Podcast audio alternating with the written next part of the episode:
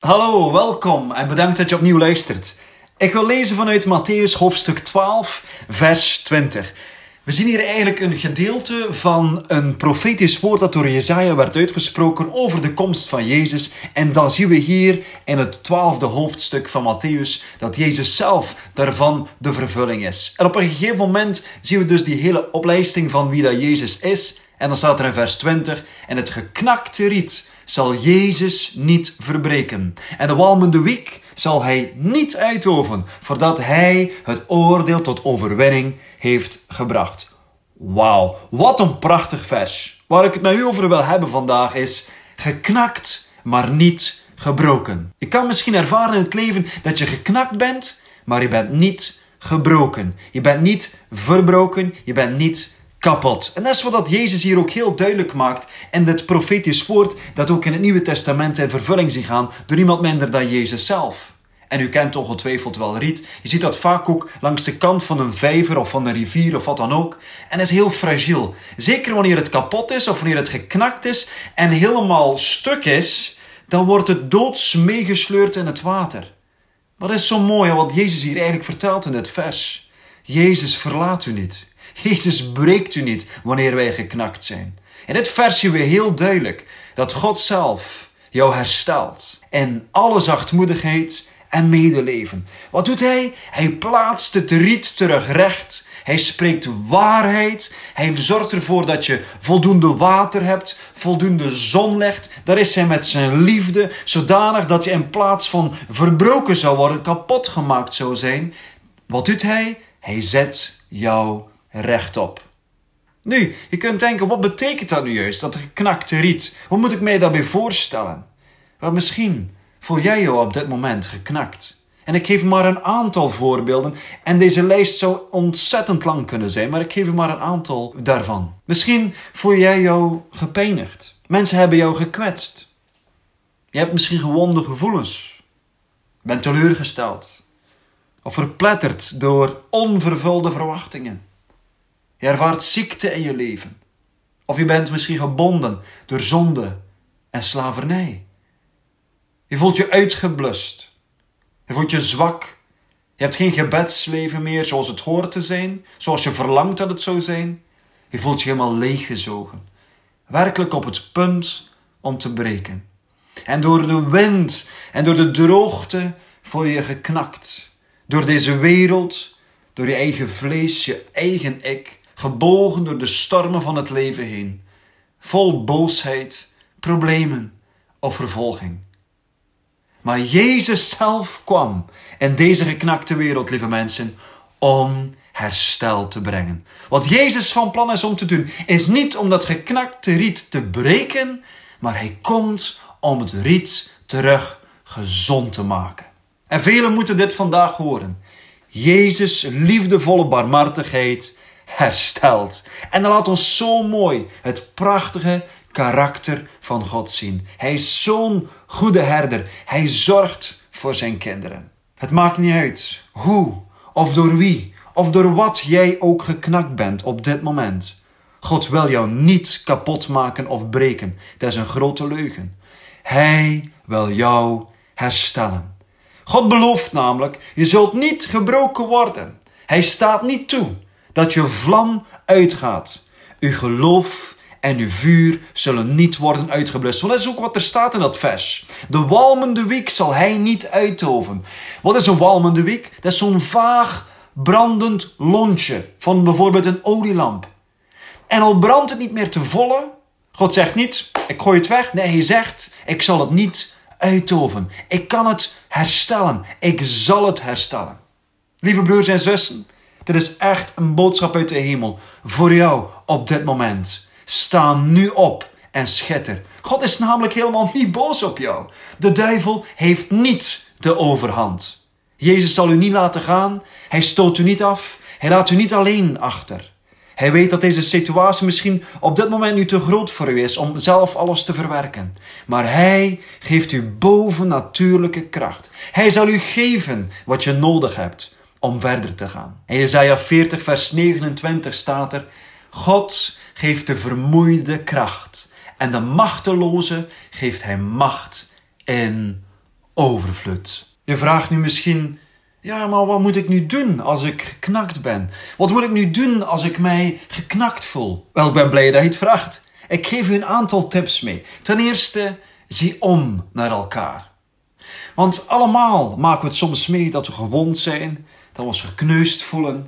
Daarom, zoals de Bijbel ons ook opdraagt, wees vriendelijk met elkaar. Heb medeleven met elkaar. Ondanks de mislukkingen en misschien de tekortkomingen in jouw karakter of in dat van die ander, ongeacht hoe gekneusd jij jezelf voelt, zie om naar elkaar. Ook zeker naar wezen, weduwen, armen, alleenstaanden, maar naar iedereen. Het is zo mooi om te beseffen dat God voorziet voor jou wanneer dat jij anderen helpt. Zo belangrijk om deze sleutel toe te passen, omdat wij elkander hierin zo kunnen tot steun zijn. Ten tweede, wat kun je nog doen als je geknakt bent? Wel, nieuw vuur ontvangen. Wauw, dat is echt wat we nodig hebben. Want die uitdovende, rokende vlaswiek wat ik daarnet over sprak in die lamp, wat is het probleem? Dat is omdat die niet schoon is. Of omdat er te weinig olie in de lamp zit. En wat is het resultaat? Dat die lamp nauwelijks gaat schijnen of weinig licht meer geeft. Integendeel, wat er alleen maar uit voorkomt, is een irritante rook. Nu, wat jij en ik misschien gewoon zijn om te doen wanneer iets niet werkt is, we gooien het weg en we kopen iets nieuws. Maar ik ben zo blij dat Jezus geheel anders is daarin. Jezus gooit lampen niet weg. Wat doet hij? Hij accepteert u en mij. Hij vernieuwt ons. Hij, hij herstelt ons. Hij vernieuwt namelijk uw olie.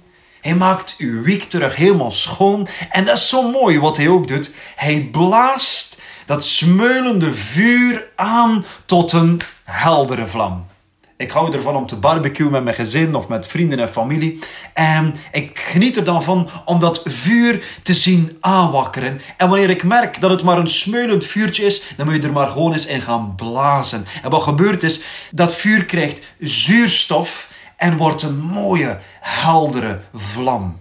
En dat is wat God, dat is wat de Heilige Geest, dat is wat Jezus ook op dit moment wil doen in uw leven. Hij wil u nieuw vuur geven. Hij wil u aanwakkeren. Hij wil u olie vernieuwen, uw wiek schoonmaken. Lieve mensen, dit is een nieuwe dag. Het oude is voorbij voor jou. Hij geeft jou nieuw vuur. Dit is een nieuw hoofdstuk in jouw leven. Gods geest zal op jouw lont gaan blazen en uw vuurvlam voor hem zal compleet terugkomen. Dat is echt oprecht mijn gebed op dit moment voor uw leven. Ten derde, ontvang nieuwe hoop.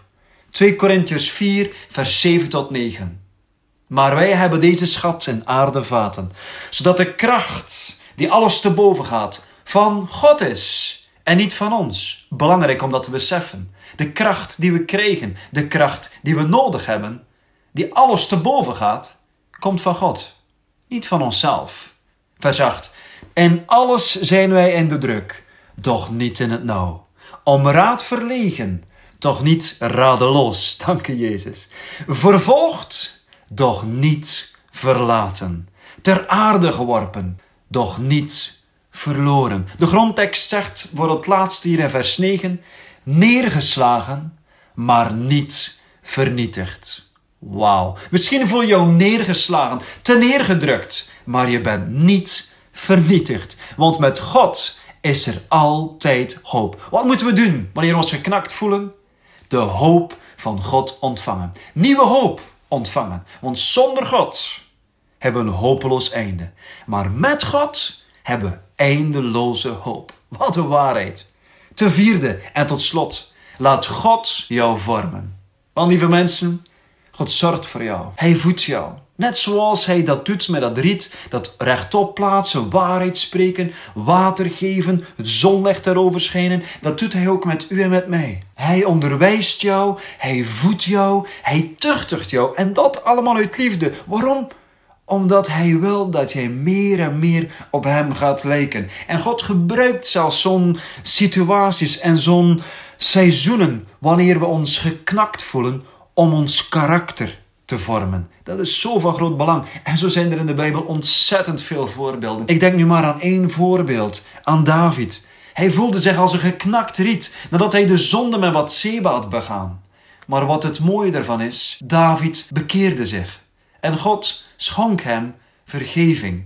Nu, wat was het gevolg? David werd gevormd door God. Hij ontving nieuwe hoop, een nieuw vuur. Hij zag ook om naar anderen. Wat deed hij? Hij schreef liederen, grote psalmen. Hij ontving de Heilige Geest. Hij ontving plannen zelfs voor het maken van een nieuwe tempel. God vormde hem, God gebruikte hem, want het geknakte riet was hersteld. Zoals de Bijbel zo mooi zegt in Matthäus. Het geknakte riet zal hij niet verbreken. De walmende wik zal hij niet uitoven. Wat we hier zien is eigenlijk iets grammaticaal die juist het tegenovergestelde is. Want wat de profeet Jezaja bedoelde, maar ook Matthäus was, het geknakte riet zal hij niet breken, want hij zal het herstellen. Dus juist het tegenovergestelde. De walmende wik zal hij niet uitoven, want hij wilt het aanvuren. En dat is zo'n waarheid, ook voor u en voor mij. Misschien voelen we ons geknakt, maar we zijn niet gebroken. Er is hoop. God houdt van ons. Hij zorgt voor ons. Hij helpt ons dwars door alles heen. En heb ik ook twee specifieke zaken. Ten eerste, misschien voel jij jou geknakt. Want dan bid ik op dit moment voor jou, terwijl dat je luistert, bid ik jou herstel toe in de naam van Jezus. Of misschien ten tweede zeg je, ja, ik voel alsof ik maar een klein vuurvlammetje meer heb in mijn leven. Dan bid ik op dit moment in de naam van Jezus dat je nieuw vuur mag ontvangen. Het vuur van de Heilige Geest. Zoals de Bijbel zegt, Jezus kwam niet alleen om ons te dopen met water, maar om met ons te vullen met de kracht van de Heilige Geest. Misschien ben je geknakt maar je bent niet gebroken. Ik wil u uitdagen op dit moment, terwijl je dit net gehoord hebt, om te komen tot Jezus. Om alles aan Hem bekend te maken. Want ik geloof dat Hij je wil aanraken en wil veranderen en wil herstellen. En beseffende, God laat jou nooit in de steek. Hij is bij jou, Hij is met jou, Hij laat je nooit alleen. Hij geeft jou bovennatuurlijke kracht en liefde om verder te gaan. In Jezus' naam. Amen.